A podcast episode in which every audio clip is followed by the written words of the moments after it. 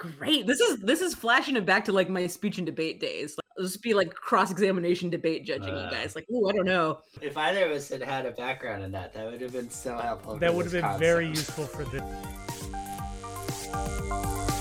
Well, I'm not a crook.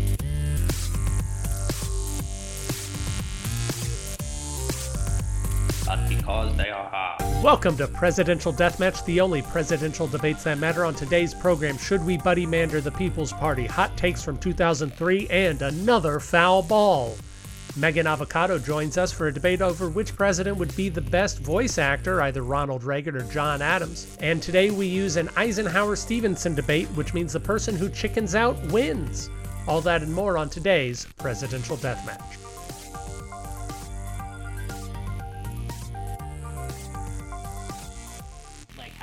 Listen to Christmas music between Thanksgiving Christmas, then you're like, you're good for the year. Like, mm-hmm. you love when it comes around, you mm-hmm. enjoy the Christmas music, then you're good. It's like that for me with uh, sports and the Super Bowl. It's like, if I watch the Super Bowl, if I do sports things that day, I'll be set for until the next Super Bowl. I just need the one. So that uh, so I I got a free trial of a of a live TV thing, and uh, watched a Premier League soccer game and then the Super Bowl Hulu suckered me in, Dennis.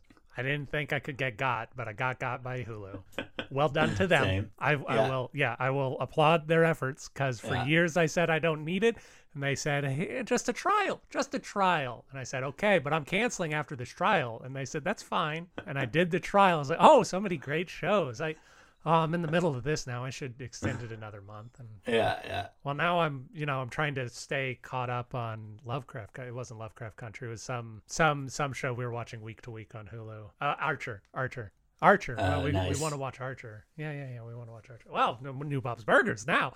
the H. John Benjamin train rolling, et cetera, et cetera. And speaking of H. John Benjamin, actually, today we're talking about voice acting. Ah. Which president would be the best voice actor? We're very excited to have voice actress Meaghan Avocato on. She will join us a little bit later. It's very exciting. But before we get to her and before we get to retractions, Dennis, who have you chosen to be the best voice actor amongst the old hat party? I went with, uh, I wanted to keep in keeping with the tradition of choosing the obviously best choice, as I've been doing for the last few weeks. Yeah, yeah, yeah. The, uh, sure. of course, this person. I went with good old Ronald Ronald Reagan. Weasley. Ronald Hello. Reagan. Yes, uh, certainly. I I hope Meaghan pins you on questions about uh, what you know. Sure, he can act, act like when he's throwing a football or riding around with a monkey. He can get that done all day. But can he really uh use his voice? Right. Yeah. Like, did his career start in radio? Right. Yeah. Those like kind of questions. Exactly. Uh, a question that I'm sure we don't have an answer to, and if we do have an answer to, it's probably in the negative. But what else could you tell us about Mr. Reagan?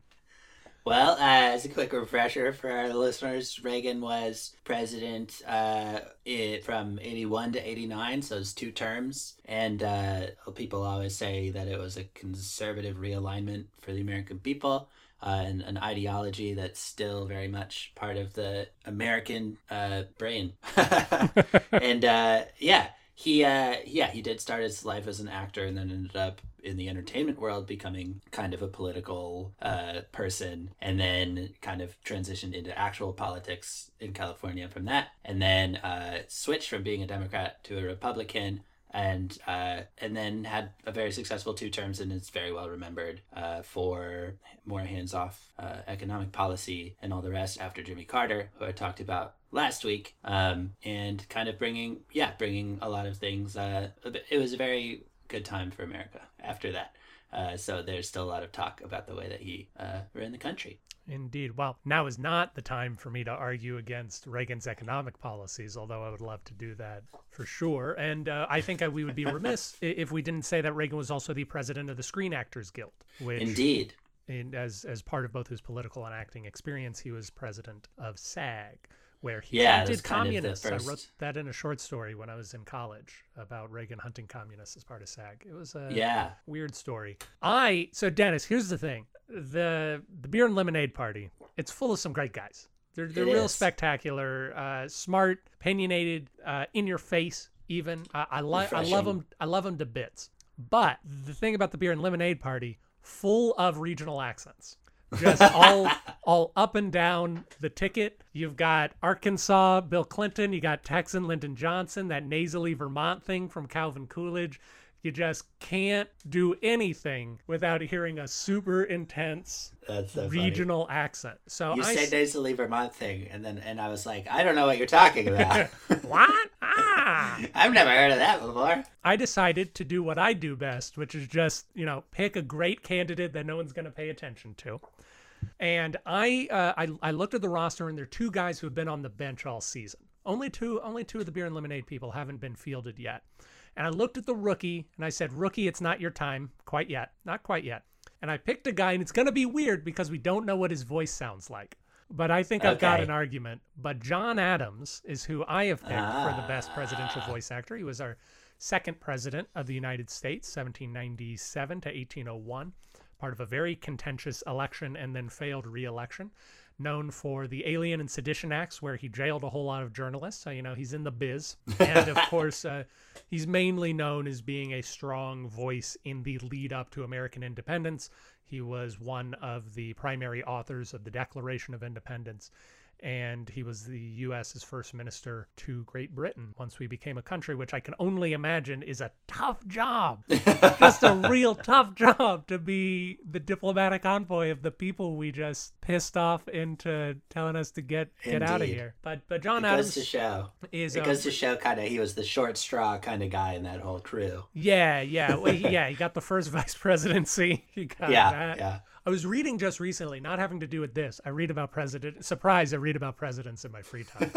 but apparently, although Washington's reelection was more or less a sure thing, there was a really tight battle for the vice president that year. And so John Really? Adams, yeah, John Adams had to really work hard to be elected vice president, a, a job he hated. Yeah, great. yeah. That I think talks about John Adams quite a bit. But we're gonna we're gonna have that debate with Meaghan moderating in just a little bit. Before we get there, let's check in with the polls. The polls. Two weeks ago, we spoke with Jessica Kelly Garrett about which president would most like to be forgotten.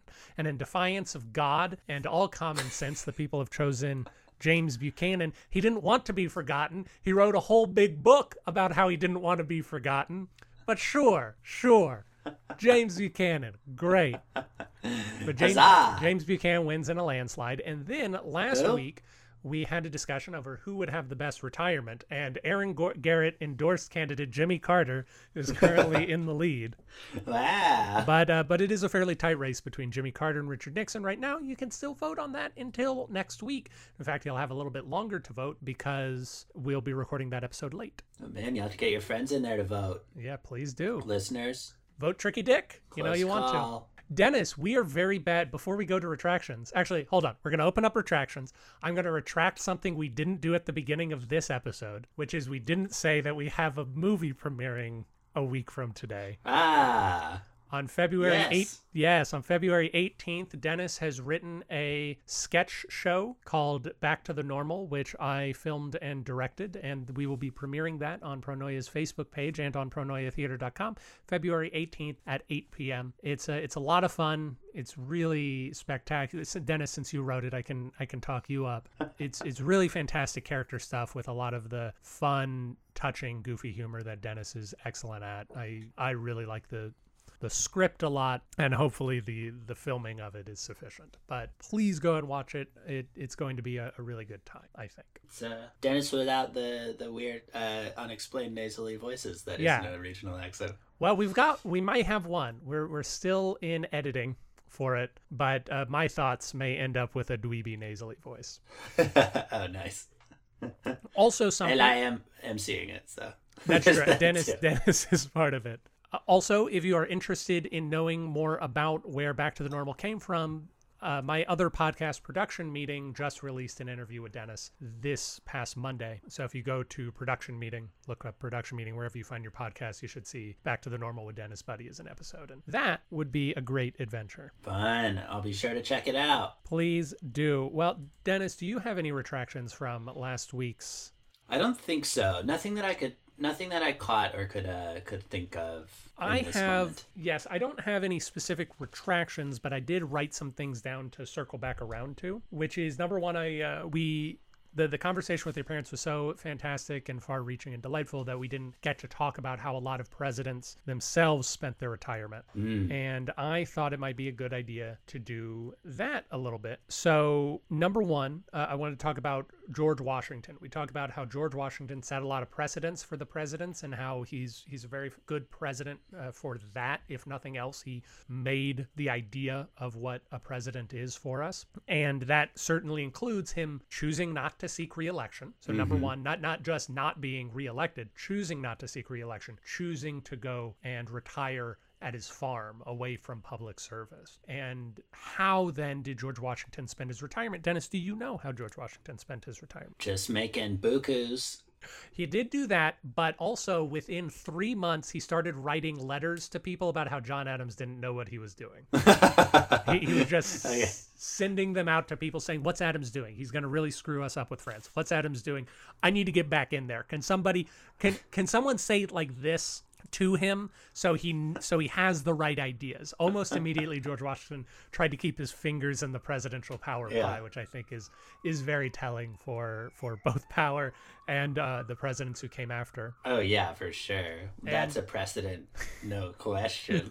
uh and then and then george washington went and sat beneath his fig tree and got drunk off his own whiskey and made bukus. Indeed. And then I also wanted to briefly talk about Herbert Hoover's retirement because Herbert Hoover has a retirement that I quite enjoy. Major landslide loss against Franklin Delano Roosevelt in 1932. He is enormously um, despised in America. He doesn't think, he doesn't necessarily think he's done anything wrong. He thinks that if America had stuck with his plans, they'd get out of the Depression. Modern economists tend to agree. But but in any case, he he is gone. He is out. During World War II, he helps supply lines and things, uh, aid, which is what he did during World War One. He he helped supply aid. This is why he's very thought of very well in Belgium, is because he helped feed them when they were starving. But the big interesting thing that Hoover he did is? was that yes, Hoover, Hoover, Hoover's big He's in a Belgium. Belgian- yeah, Belgian He's demigod. a, he's Yeah. a Belgian demigod. If Belgium so had a Mount Rushmore, it would be the first king of Belgium, somebody who did something, and Herbert Hoover. and it's a small country, so they'd stop at three. Right. Oh, Tintin. I should say that. It'd be their first king. it'd be Tintin, and it'd be Herbert Hoover. And it'd be made of chocolate. Yes, indeed. And then the Germans would burn it down. But in any case, Melted down. Harry Truman, who who is a bit of a fan of Herbert Hoover, despite coming from different parties, Harry Truman hires Hoover to be uh, to create what's called the Hoover Commission, where Hoover went in and figured out all of the government bloat, and he massively reduced the size of the government and got sort of the administrative wing of the federal government under control, uh, which which really plays well to his organizational aspects Right. Among other things, it's it's good to remember that even a president who is widely despised can come back and do something good if uh, Yeah. if one humbles himself and is willing to do the work. Totally. Yeah. And hum- yeah, humility. I mean, yeah, and like Carter was that kind of vibe as well. And uh, For sure. yeah, I like thinking of that with Hoover though, that he's kind of like, cause yeah, he's he's the COO. He was the COO the whole time. Yeah, exactly. He should not have been promoted. Yeah, he should not. We you we have not to harken back to to Mr. Elland in our recarving Rushmore book, but we have a fascination of deifying these people, uh, these executives who are very charismatic and very powerful, and say we're going to get this done, and we don't necessarily care about the John Quincy Adams of the world who are very good at legislation. But don't have that mm-hmm. executive charisma. Yeah. And we don't like the bean counters of the world, like Herbert Hoover, who can make sure that everything actually gets done. And so, since we don't appreciate those things, we tend to push people into roles that they shouldn't have because they are they are trying to get to the top of their field. And of course, I'm going to try and be president because that's how you get remembered. Even though mm-hmm. if we liked various other things more, we might do other things better. That didn't come out right, but I feel like we get the idea. Though on the flip side too, it's interesting because like if part of like in that in that case, like how much of leadership is that kind of like qual that charisma in that way? Because it's like it's one of those things that it's like you don't like to think about, but like how how much of people just naturally liking someone actually helps them to be a good leader, especially Yeah. when that is kind of in tandem with that humility. Where you're like, oh no, I'll just have Hoover do this. He's way better at that than me. But at least I'm the guy who everyone's like, okay, you're great. So yeah, go do that. yeah exactly. It's it's a sad part of of human beings that that we really enjoy that and we can be wagged in that way. You only need to see how the Republican Party has completely turned 180 of the things it was yelling about during Obama's years because Trump likes tariffs instead of international trade. And so the Republicans, who for years were the party of free trade, are now the protectionist party. And it's it's weird. It's weird to see it happen. Indeed. I wrote, we've still got a few minutes before Meaghan joins us. I wrote down buddy mandering as something to talk about in retractions. I don't know why I wrote down buddy mandering, but I may as well talk about it while we're here. Dennis, have you heard the neologism buddy mandering? No, oh, that's a real thing. It is a really, it is a real thing. Uh, it's a real that's thing. so that- funny. I I assumed you meant that that the buddies have a way of getting off topic and just kind of like talking about whatever. no, I, I did not even think that it was your last name, but that is. Um, I I, I like, propose I we just call it adopt the buddy that. way. but- Yeah, yeah. I propose that we adopt that in some form or fashion. No, buddy mandering is a real term. It is related to gerrymandering. I will try. I, again, I don't know why I wrote it down, but I did, so I assume it's fine if I talk about it.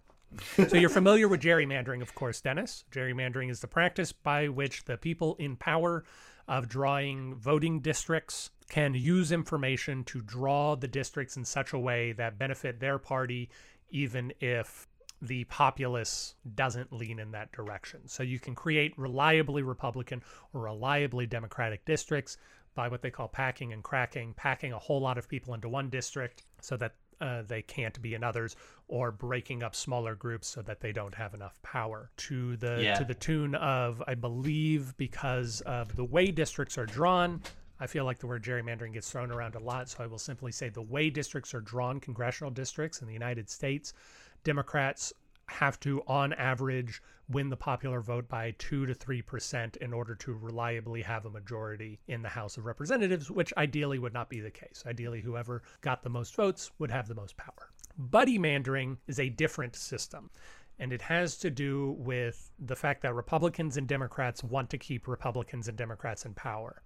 And by that, I mean the Republicans don't really want the Libertarians to get in power. The Democrats don't really want to get let the Green Party get in power. Right. The Democrats know their foe, the Republicans, and they're fine with them. So, buddy mandering is a system in which it's a new idea in which you draw districts to allow certain people to continue to keep their seats. Where you say, I could potentially make this more competitive, but if I make it more competitive, I might lose my seat. This guy that I work with might lose his seat. Yeah, he's in the other party, but I probably don't want somebody with different ideas coming in to screw it up. So it's the idea that the two parties are going to collude in order to keep both of them in power instead of making things open. Again, I see. don't know why I wrote it down, but I did, and Presidential Deathmatch regrets the errors. Yeah, it makes it's uh yeah, buddy mandering, collusion, monopolization.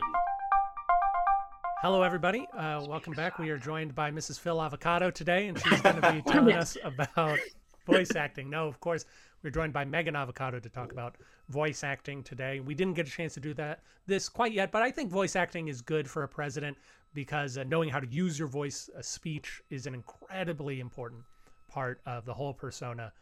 And so, uh, also being able to lie is very important for presidents. Critical. Yeah. it's super important. So, I think voice acting is is a strong strong skill. Meaghan, can you tell us your background in voice acting? And uh, well, we'll start from there and move on. sure. Uh, so all of my experience in voice acting has come in the form of the uh, very niche uh, industry of uh, anime um, translation. So uh, all of my work in voice acting is anime dubbing.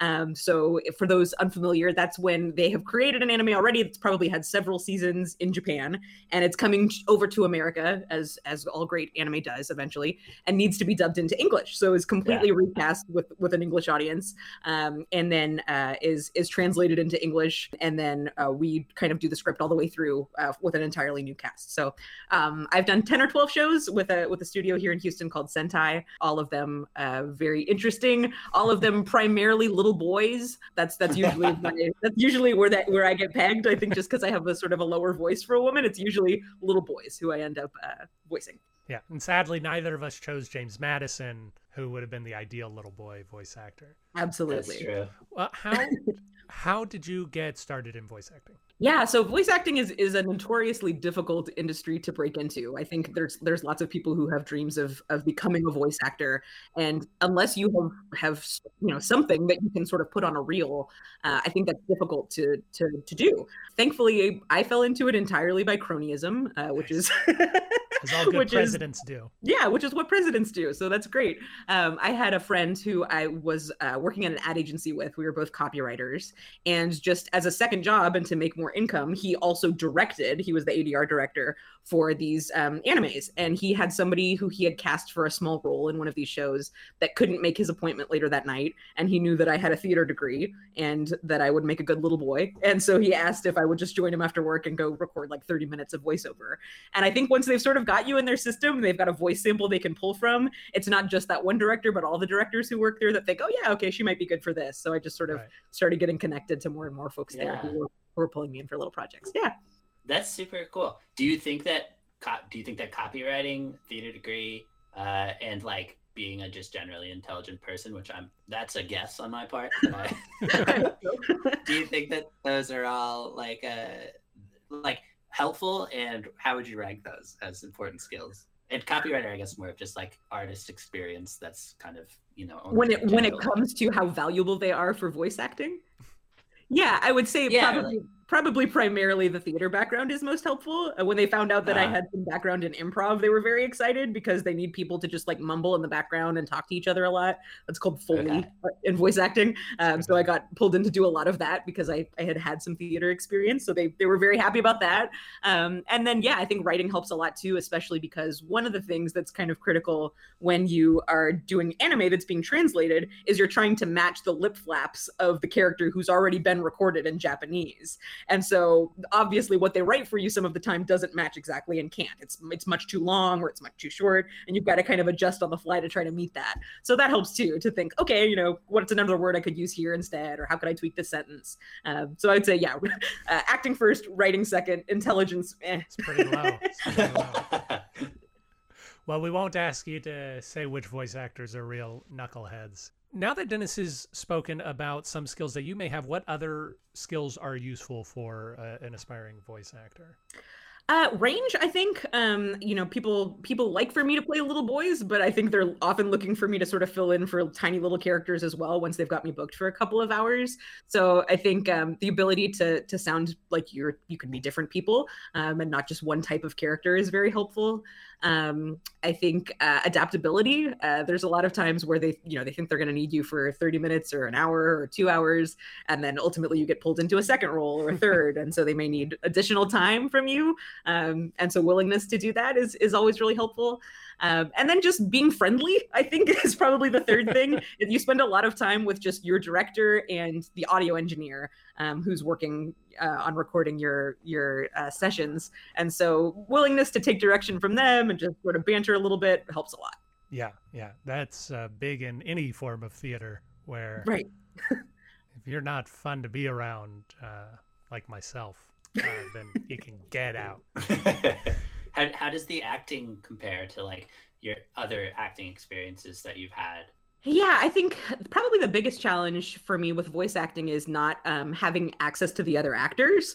Um, they, you know, have been booked for their individual slots as well. You may be first on the list to record, you may be last. So it just depends. You, you know, they're playing a track for you in your ears to of what they've dubbed so far. That's interspersed with the Japanese, right? so if I've had three other actors record, I can sort of hear, okay, you know, this is how she's playing this character. I'm gonna play it this way. Um, or if I'm first, I only have Japanese, and I'm like, oh, I've got a, I've got a timestamp. Here it is. I'm going to say my line. So just not having that banter with other actors is difficult, and oftentimes you're kind of going in blind. You know, a director has said.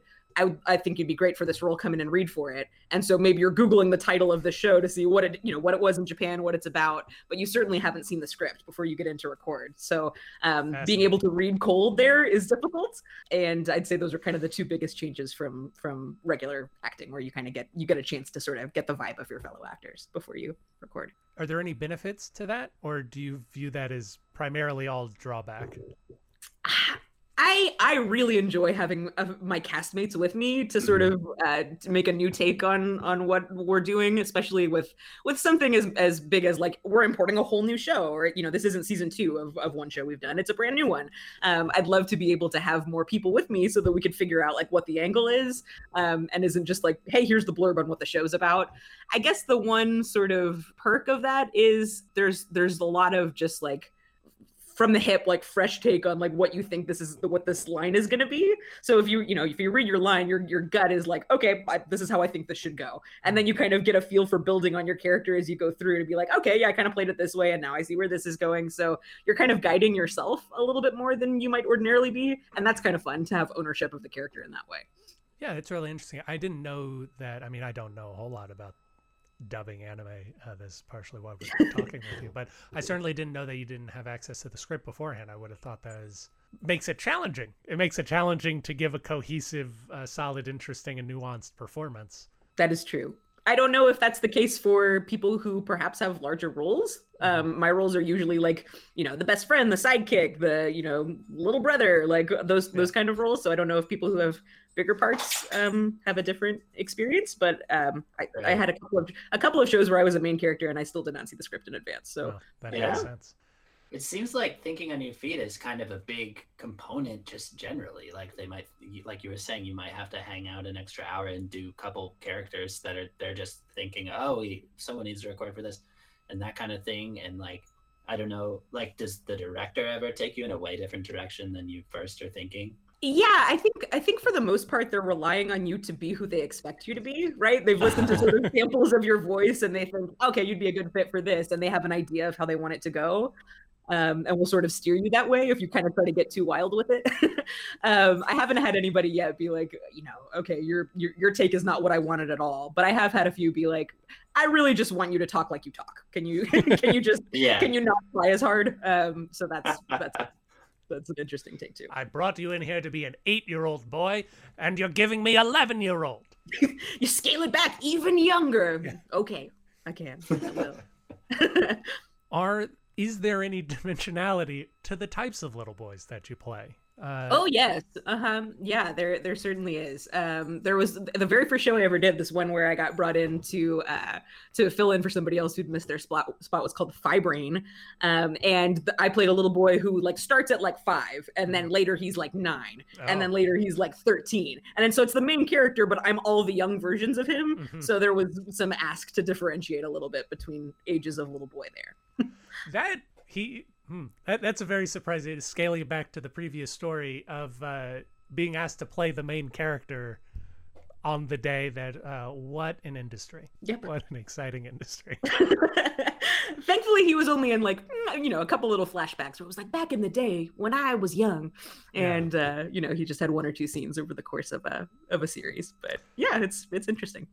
if you were permitted to break out of the chrysalis of little boydom where what would your ideal sort of voice acting role be if you have any Oh man, uh, I I would love to. First of all, I would like to originate a role. That would be that would be big, and not have to work with somebody else's take not of what they the flaps Right. Yeah. You know, I'm working off of what another actress has provided that then they've animated that then I have to match. So it'd be great if I could just say things how I wanted to say them. Um, I think Disney villain is like the ultimate Oh, uh, sure. place where I would like to be. You know, Disney princess, I I feel like there's not enough scope there for what I would want to do. But Disney villain, I think I could really. thrive Mulan's on. already done, so we've handled we've handled depth in a Disney princess character. We can go back, but yeah, Villains are always the most fun, right? They are. Like, yeah, yeah, they are. So little boys, little boys are wholesome and or funny, but I would love to be evil once in a while too. We haven't talked too much about like vocal quality, I suppose, and like That's true. how like you like in the first place when someone was like, "Oh, should you, you should come in for this?" Was that coming from a place of like you have a naturally a great voice, like you should do this, or Yeah, I think I think um, my my friend who I met, who was is my copywriter friend, who's also he directs full time now. He has left the ad agency industry, which is fantastic, as have I, um, and he directs full time uh, for for Sentai here in Houston. And um, I think he was looking for somebody who had both a theater background and also had a good quality of voice. And people often tell me that I have an interesting voice. Um, so I think he was sort of looking for for the right combination of those things. And I just kind of fell into his lap, which is nice. They're also watching a lot for people who have a lot of vocal fry. They stop me frequently when my voice gets too kind of gravelly and you know give me extra water and tell me to take breaks and things like that. So as long as you can keep that kind of tone out of your voice and you sort of have an interesting you know tone that people like to listen to, I think that's those are kind of the qualifying features. Before we get to our game today, Meaghan, do you are you entering our conversation about presidential voices with any biases? Can you shed your opinions? Because when I initially reached out to you, you were very excited about a number of possibilities for this question. I will say I think none of them came to pass for this particular episode. But uh, where are you at in terms of presidents and or politicians, how they use their voices? Yeah, so I think uh, that's something that I just have always been sort of interested in. It's kind of like when you're an actor and you watch a, a film, it's hard to remove the actor from the equation anymore. You kind of think like, oh, I love what they did there, or you know, oh, I would have, I would have done that differently. It's kind of the same for me with just listening to people's voices. I just have always been interested in the quality and the tone of people's voices. So when I apply that to previous presidents, I think a lot about how the the medium has changed and how we listen to our presidents as opposed to you know it used to be so focused on on radio and how we would hear these addresses perhaps from somebody like fdr um, who was giving us you know these chats that he was doing that was all about you know strength of character and the presentation and when you take pauses and that sort of thing and then you know we move mm-hmm. all the way to the present where it's so much about more about what it is you're saying and maybe you're only saying it through social media like trump has done where you know we're firing off these tweets and we don't hear his voice much at all well that's that's another story we do we do hear his voice quite a bit but All it's it's often. often presented through text so i i am a little bit more biased i would say to the to the presidents of the radio age just because i think they had to think so much about the tone of what they were saying and the speed at which they said it and the gravity with which they uh, delivered their addresses so that's that's where my sweet spot is um, but i i'm open as regular listeners to Presidential Deathmatch know, we have been playing a long-running series of games where we are identifying the highest level of government service for a person from each U.S. state, but we are not doing that today. We're going to take a pause, and I have mm. collected a number of presidential voice samples. Oh, no. And Meaghan, I'm going to play them for you, and I'm going to first ask you to sort them into what sort of character you'd put them on. You know, okay. what, what are you getting from their voice? what could be interesting or do they need to you know go back and maybe take an improv 101 to to sort out to sort themselves out okay and then i'm going to ask you to guess which president that is oh no uh, oh, so oh no i apologize free... in advance to my ap us history uh, high school teacher mr vandenbelt you taught me better than this i apologize I, I will say, uh, feel free to open up a list of presidents so that you have them. This is okay. not a memorization game. You can you can certainly have access. And I and I will also tell you that all of these presidents fall between Grant and Ford. Fantastic. Yeah, Grant Grant to Ford. Grant to Ford. Grant to Ford. Dennis, I I assume you have heard at least some of these. I don't know how much research you did in presidential voices. So act you can act as Meaghan's special advisor, but mm. if you know if you know the president, please don't spell it out for her, but if you don't know the president, feel free to speculate all you want. And Meaghan Okay. Okay. Uh, yeah, I'm. I'm gonna go ahead and say that I'm probably not going to be that much of a help. let's, let's see how it goes. But Dennis, you you are going to to be able to help on this first one because this is a clip you and I have talked about frequently. President of the United States, I was president of the first Pan American Congress in Washington D.C. Hello. I really like his hello at the end there, which is why I, I kept it on. Hello. Hello. wow. Um yeah, okay. I I would probably position this person as uh, like like a like a hmm, like sort of a hard-nosed teacher you know there's a lot of teachers in anime who are sort of like out to get the young like uh lovers right they're like uh, against them and they're trying to conspire to keep them from doing what they want them to do so not necessarily evil but certainly adversarial Yeah. um so that's i Mm. think that's where i would put him I if think that's I think that's good for that guy. Dennis, I, I assume you know who this is. Don't say his name. I assume you know who he is. Uh, but I, I think you would agree that that is a good role for him, adversarial teacher.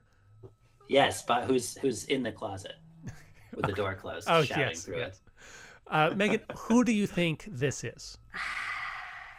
i wish i had a good guess I'll tell you, it's it's in the first chunk. It's between Grant and Grant and Teddy Roosevelt. I'll say that. grant and teddy roosevelt hmm i haven't heard a number of these men speak before Yeah, that's what I was hoping for when I designed this game. Well, you've done well. I feel like I feel like when I'm looking at Ruther- Rutherford B. Hayes here, I feel like he's not the guy, especially if he's shouting through the closet here. And you know, Ulysses S. Grant had some serious machismo going on. So I'm gonna go. I'm gonna go with Grover Cleveland. Oh, so, Ah, so close. so very close. You're looking for the guy in between Grover Cleveland, Benjamin Harrison there. I almost said him. I, I almost said I, him. I thought you were going for him. Meaghan, I, I pulled a cruel trick on you uh, in order to preserve a little bit of surprise. That is, in fact, the first vocal recording of any U.S. president.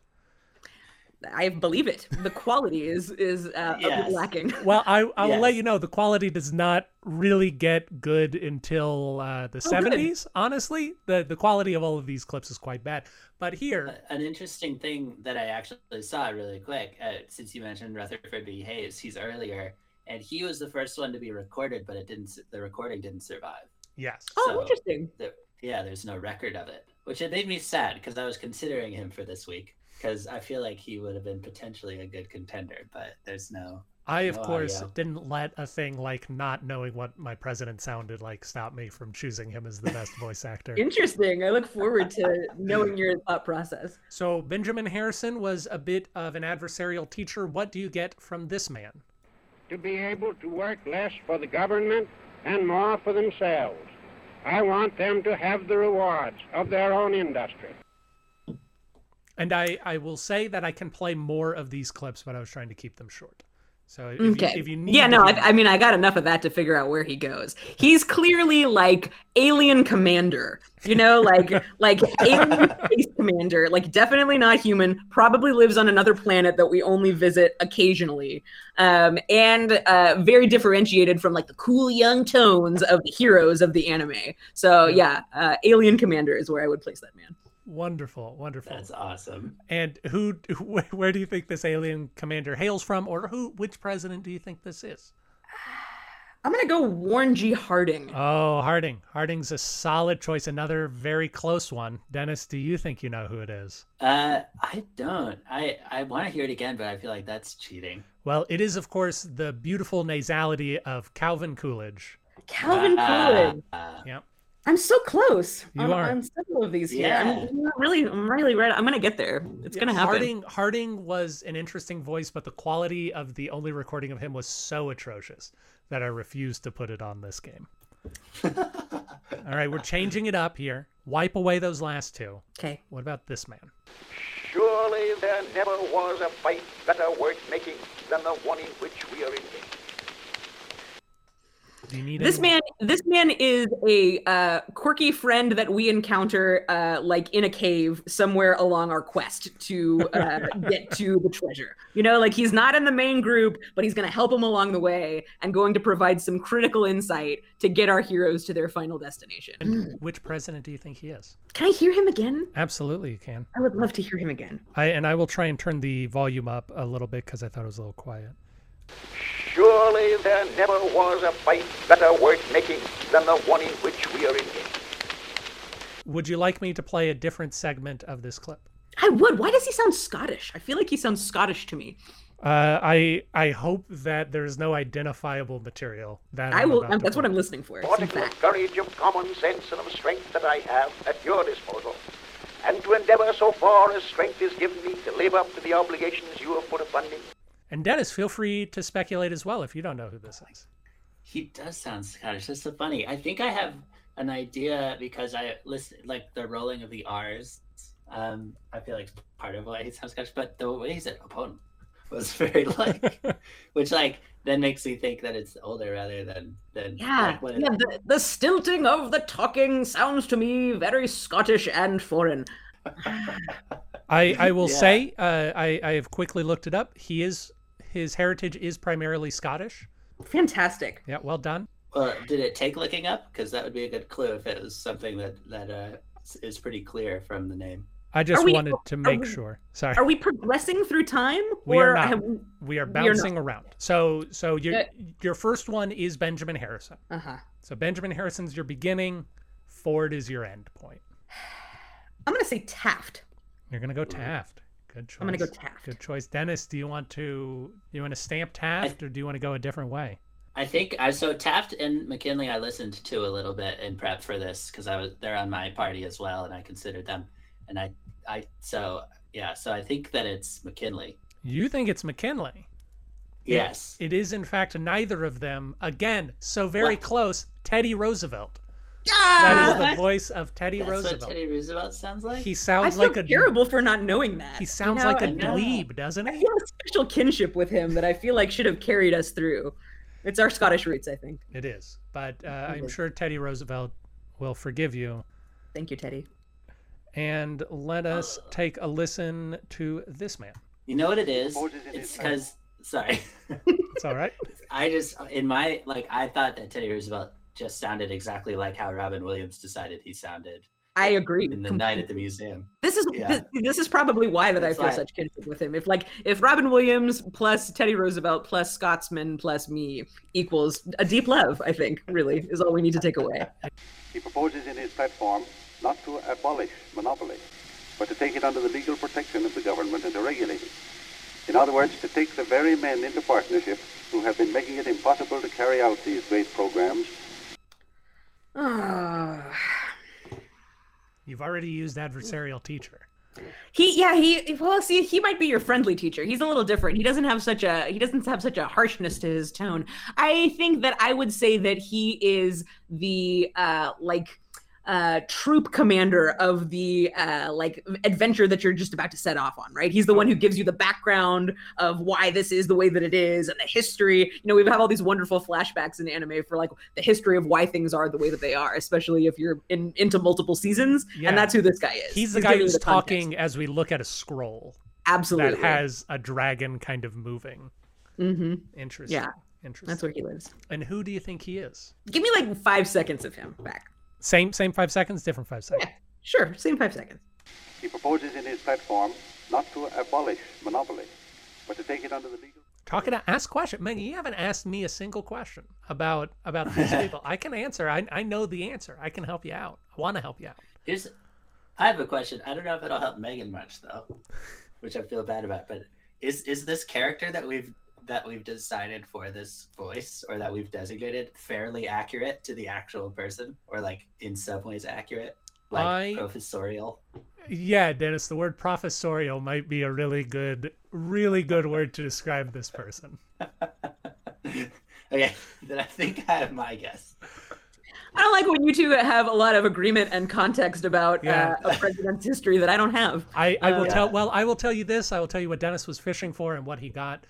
This is the only president who was a professor at a university before he was president. Like this the profession of this man was professor.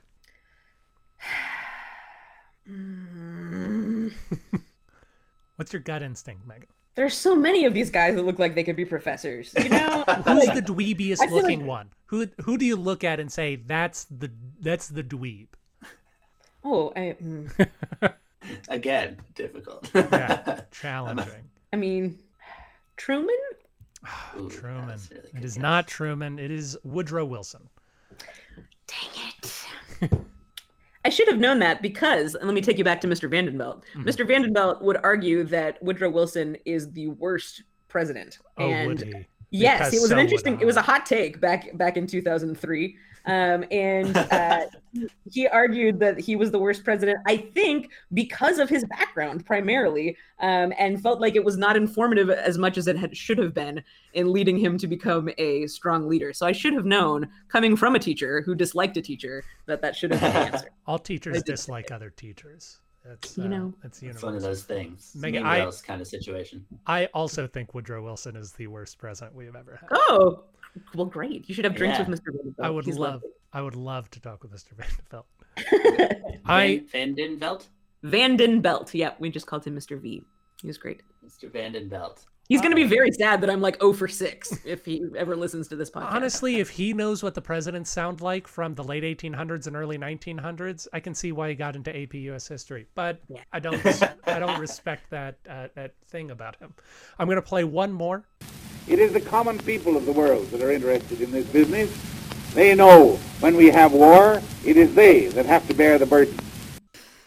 I'm gonna go uh, main character's father on that Oh. one. We get we, we get a lot of input from fathers in anime. Like like before we set out on our great journey into the perilous wilderness, lots of people are checking in with their dads, and uh, there's a there's just a tone there where I feel like he's gonna give you what you need to go achieve the mission. So I'm gonna put him main character's dad.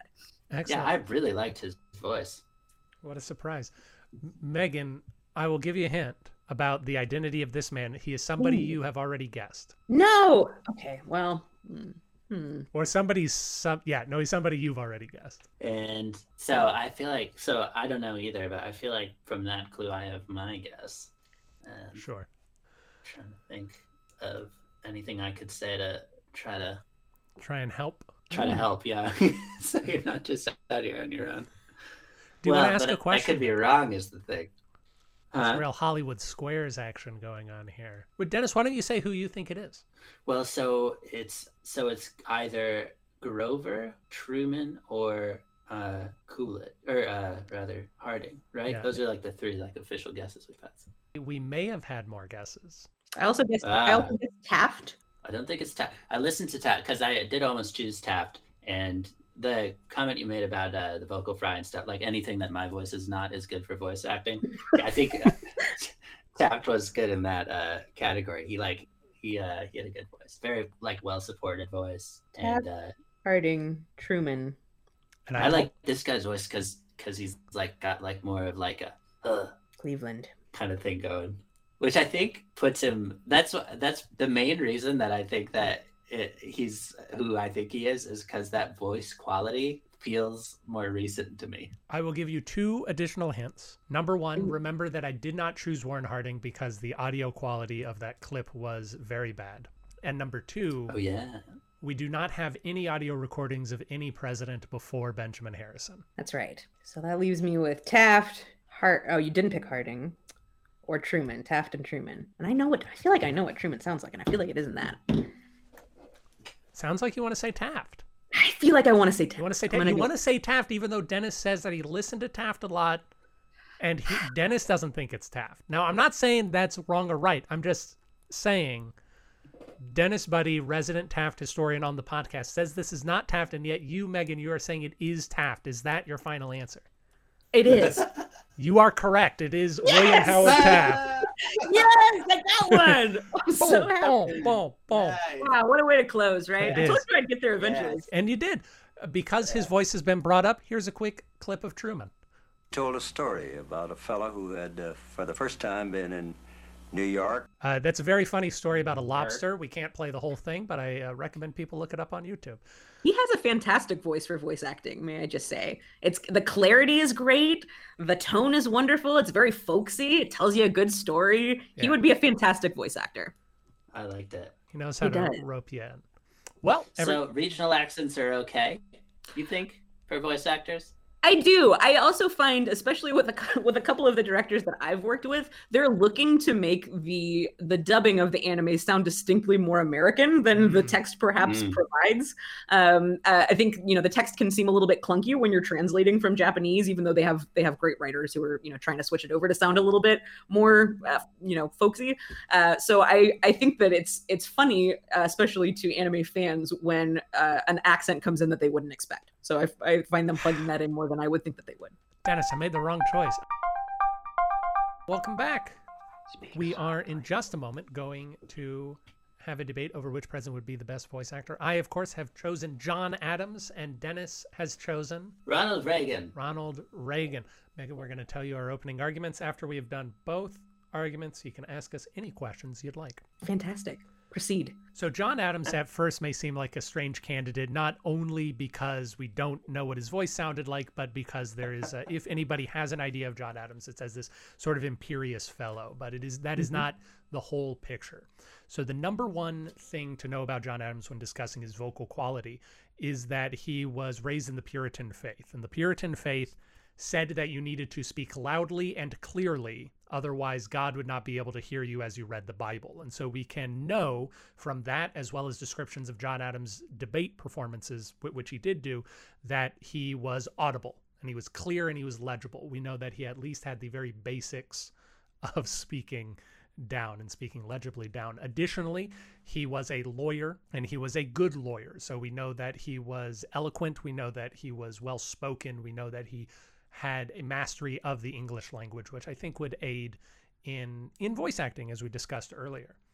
But one of the biggest things that I think is going to help John Adams out is his range, is his ability to communicate a lot of different uh, basically just to do the acting. Now, not all of our presidents have been actors. It happens that the one my opponent has chosen is.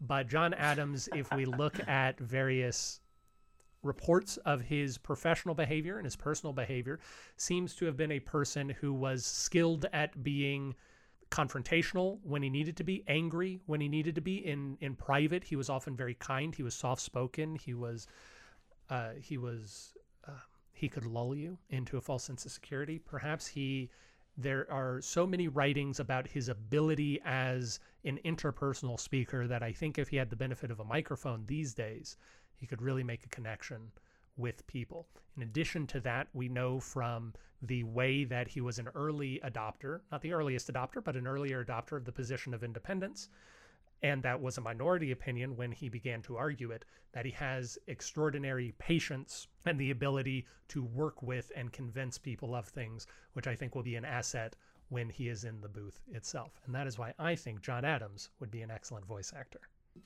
All right, so I'll go now. Mm-hmm. Every, every, for some reason, every week I'm like, is this how we do this? All right. Um, so Ronald Reagan, uh, as Aaron mentioned, he's he was an actor, um, but he actually started his career um, straight out of college going into radio. So he was completely voice focused, um, and he was an announcer for baseball games and then for the Chicago Cubs and traveled with them before getting into showbiz, getting like discovered um, there. But uh, in the uh, radio, before I move on from that, just wanted to mention too that there was one time when he he was able to um, like from a telegraph say the game, so it was like uh, kind of one of the things was that he like had announced for all these games that he'd never even seen, and that that was kind of a funny uh, thing about him. But there was one time when the telegraph broke, and he just improvised that they kept hitting foul balls until it came back on because he didn't want to lose listenership.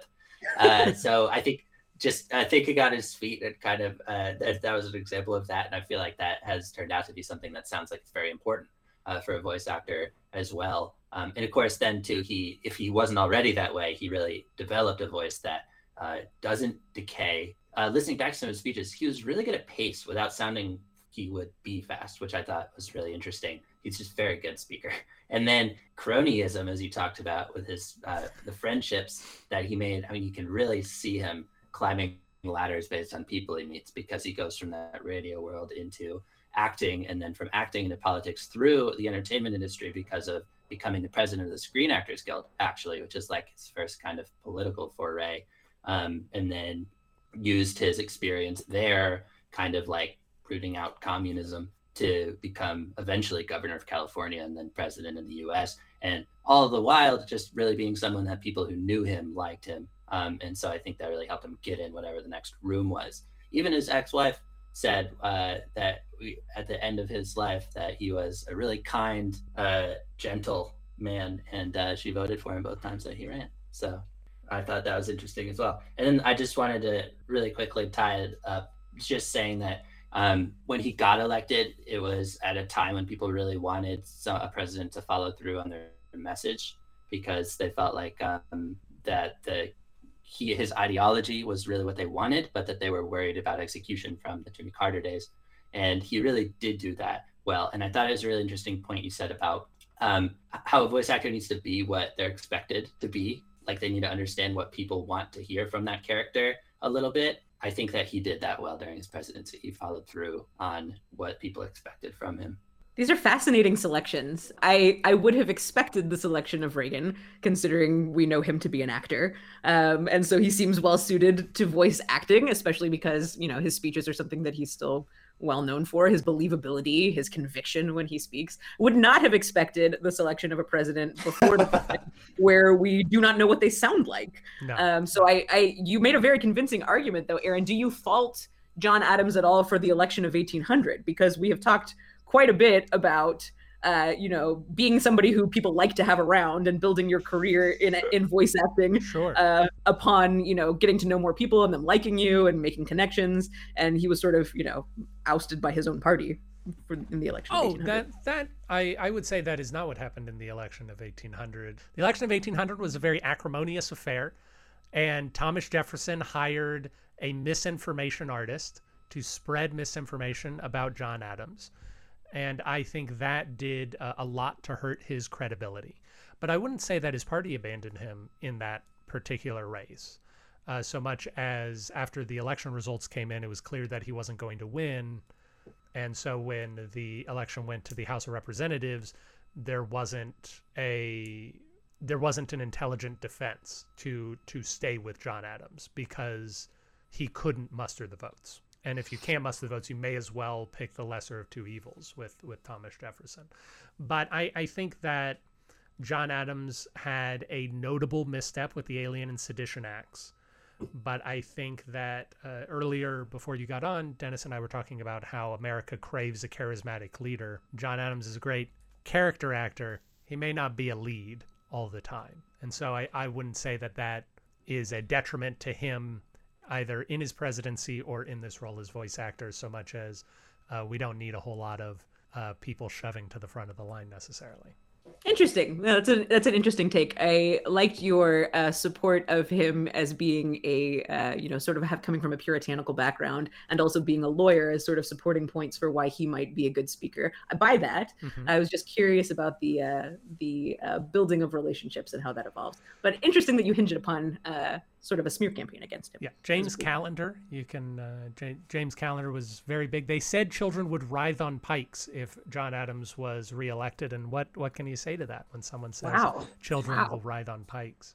I think it's important to note also that it was unseemly for presidents to campaign for themselves back in those days, so it would not have been John Adams speaking out in his own defense. Sure. That makes sense. From a Reagan perspective, obvious choice for me. Certainly, I like the idea of him, you know, being who you expect him to be, delivering on what you expect him to do.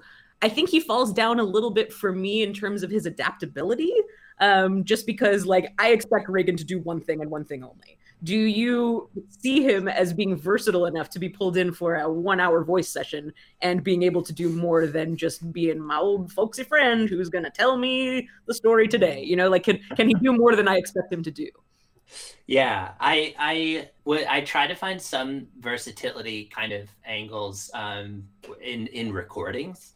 Uh, as I was looking through, the main thing that I found in that category was really um, the jokes that he told that, but like which I thought were good, but he didn't necessarily like dive into a bunch of different characters and have different voices for them. Thinking on his feet and getting there, I could see, but I don't know I I really feel like I've said I don't really know like on the versatility piece too much. I'm also not sure about improvisation. I feel like he's very polished, and I feel like uh, you know he's examining the sort of like scripts that have been written for him and delivering them in a way that that I buy. But I don't know how he would do on the fly. I think he is. I think he is a good improviser. The baseball thing, obviously, he was a kid with that, but that was fun. It was funny improvisation. Uh, also, like a lot of his uh, a lot of his like success that gets kind of equated to moments in his like public um what do you call it? Like being on tv and everything. Um like when he really got i think attention as a potential presidential candidate was when he this time for choosing speech um, that he did for Barry Goldwater, and then everyone was like, and it was when he switched to being a Republican, and everyone was like, "Whoa, he's like really big deal." And then at the moment when everyone kind of knew he was going to win the presidency later on when he ran was uh, in this debate, and the question was like about him being older, and it was like it was it was a pretty like uh, biting question because they were saying like that um, the last pre- like that JFK had to stay up four nights in a row during the Bay of Pigs, and that they were where they said Reagan, like you're getting on in years, like do you really think you could do that? Doesn't that should the nation be worried about that with you? And uh, he said, well, if you're asking me about my age, like I will say, I I'll I'll go ahead and not make any comments about how young and inexperienced my uh, opponent is. So he kind of like in a very, it's it's I didn't nail the delivery. Is there any doubt in your mind that you would be able to function in such circumstances? Not at all, Mr. Trewhitt, and I, and I want you to know that also I will not make age an issue of this campaign. I am not going to exploit for political purposes my opponent's youth and inexperience.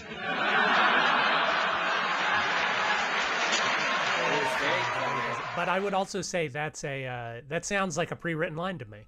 I don't. It felt very maybe so, but it felt very. He's off an the actor, cuff. Dennis. That's his job is to make it seem off the cuff. Well, then we can never know. Um, I'm trying to think if there's any policy things. If you end up coming back to me, maybe I'll see if I can think of anything that in his presidency that felt very like improvised in that way. I will say in as both well. Dennis's support and uh, against Dennis that earlier on in Ronald Reagan's career, there are a variety of instances where he's coming up with good quips. If people introduce him and he comes up and just quips something from the lectern, but I, I think that diminished as time goes on because of the the Alzheimer's and the degenerative disease, which is unfortunate. Sure. Hmm. Interesting approaches, both of you. Any other questions, Meaghan? I'm I just am still hung up on on choosing uh someone whose voice we don't we've never heard. It's it's fascinating and I'm trying to decide if I fully buy that and why you went there when I feel like we have lots of other uh presidents who come from those sorts of backgrounds. I'm trying to buy the uh the hybrid of those two things and why you picked him specifically. Well, I picked him. There are a lot of uh, reasons that I picked him, and I assure you, the fact that I hadn't yet talked about John Adams this season is not one of them. That is not why I picked John Adams for this episode. That would be a spurious claim, and I would fight tooth and nail if someone said Aaron is the only reason you picked John Adams because you haven't talked about him yet. I'd say no. I'd say I picked John Adams. Uh, not only because of a brilliant performance of William Daniels in the musical 1776, Right, of course. but also because the people, eh, despite the fact that we have telecommunications, which can spread your voice around the world, and despite the fact that before that we had microphones which could amplify your voice from the late 1800s or so, the voice was even more important pre microphone when you had to fill a stadium and make a person feel something for you. So mm-hmm. I do think that even though we don't have recordings of the voices of these people, that their voice was even more important because they had to have trained it in a rigorous way. They have to have trained it like an opera singer would have. In modern day, opera is still largely done sans amplification. And I think that our politicians or successful politicians back then would have been similar. They would be giving speeches. They would need, they have a greater need to be heard. Sure. Yeah, whether. Hmm. I don't. No further question. Okay. In which case, Meaghan, there's always a third candidate, the People's Party, managed by random.org slash list. The People's Party has chosen Herbert Hoover this time around. They said Herbert Hoover. Hoover. I have a voice clip, so I'm going to play a voice clip of Herbert Hoover. Great. And then, uh, and then we can all just imagine uh, whether we think Herbert Hoover is a good voice actor. Ceaseless effort must be directed to the restoration of confidence, the vanquishing of fear and of apprehension, That's what he sounded like. That's what he sounded like. A little, uh, a little slow to me. I don't know. Uh, he seems, he seems like a character. I can imagine a person standing at a lectern saying that for sure. Uh, I don't know if it lights lights me on fire. Meaghan, what do you think as our to voice timbre expert? Yeah, I don't I don't get a whole lot from him that I feel like I wouldn't get from anybody else. Um, he's you know he sounds he sounds confident. He sounds uh, to the point. I could put him somewhere in in an anime, I'm sure, um, but I don't know that I'm jumping out of my skin to cast him as a lead. It's good to know. Dennis, do you want to say anything about Herbert Hoover? I liked it. I I, I liked it. He's, he sounded ex- he didn't sound like Hoover like what I was expecting, but he sounded more like he sounded more like Hoover than I thought he could have possibly sounded like. So it's kind of like it was way more of like a very angry, um, like Basset Hound than I was expecting. hmm I would love an anime about an angry Basset Hound. So if, Yeah, if the I'm god surprised we don't have could make that happen, Yeah, that would make me happy. get on it, Miyazaki. Well, thank you That's so all much. we got on the anime. Meaghan, if you would director like if you would like to cast your vote now, you can. If you would like to not cast your vote now, you can. But I will tell everybody, as always, you can vote on who you think the winner is at the link in the description of this show. I will. I I think that I do buy the argument of John Adams being the superior voice actor. And I and I do that because I feel like the combination of things that we talked about at the beginning that are required of a good actor, I feel like are all present here. I, I buy the sort of quick on the fly intelligence. I buy the commanding sort of uh, tone because of his background, um, his adaptability as a lawyer. Um, and I just I think that the hybrid of those three things would lend himself well to being able to play a variety of characters. Um, whereas I feel like Reagan, so much of of what I expect of him as an actor is wrapped up in his physical appearance as well. Um, when I see him, I know what I'm getting from him because of the way that he speaks, but also because of the way that he carries himself and his ability to engage so directly with people, um, connection of, of eye contact and that sort of thing. And I feel like the range is pretty limited there. Um, not to say that I am a s an expert on that, as I'm getting pigeonholed as little boys almost constantly. But um, I do think that it's important to have a little bit of, of range when you can get it. And I feel like I'm using Reagan for all of the same things. Well, you heard it here first, folks. If you want to go with the winner, vote John Adams, just like 1796, not like 1800. Meaghan, would you? Yeah, it's an anagram. I'm just like I'm realizing now it's an anagram for a range. he That's has fun. A range, not many ranges. He Ronald Reagan has a single range. Meaghan, is there any place that people can find you or anything that you'd like to draw attention to for the listeners of this fair podcast? Um, I think that my favorite of the works that I have done is a show called Girls und Panzer that's available on Netflix. Um, it's it's about a series of girls in high school, and their elective that they have taken is called tankery, which is where they drive around tanks, World War II tanks, and try to blow each other up. And my team, uh, my character's team, is Team Turtle, and uh, uh, we are striving for victory all the across it. So, Girls und Und Panzer, P A N Z E R, on Netflix. What a light romp Cool. it sounds like. well, thank you very much, everybody else. Next week, we will be discussing which president had the best love story, presumably with his wife, but, you know, if we go Warren G. Harding, maybe not. We'll find out. And that'll be a lot of fun. Until then, have a splendid life.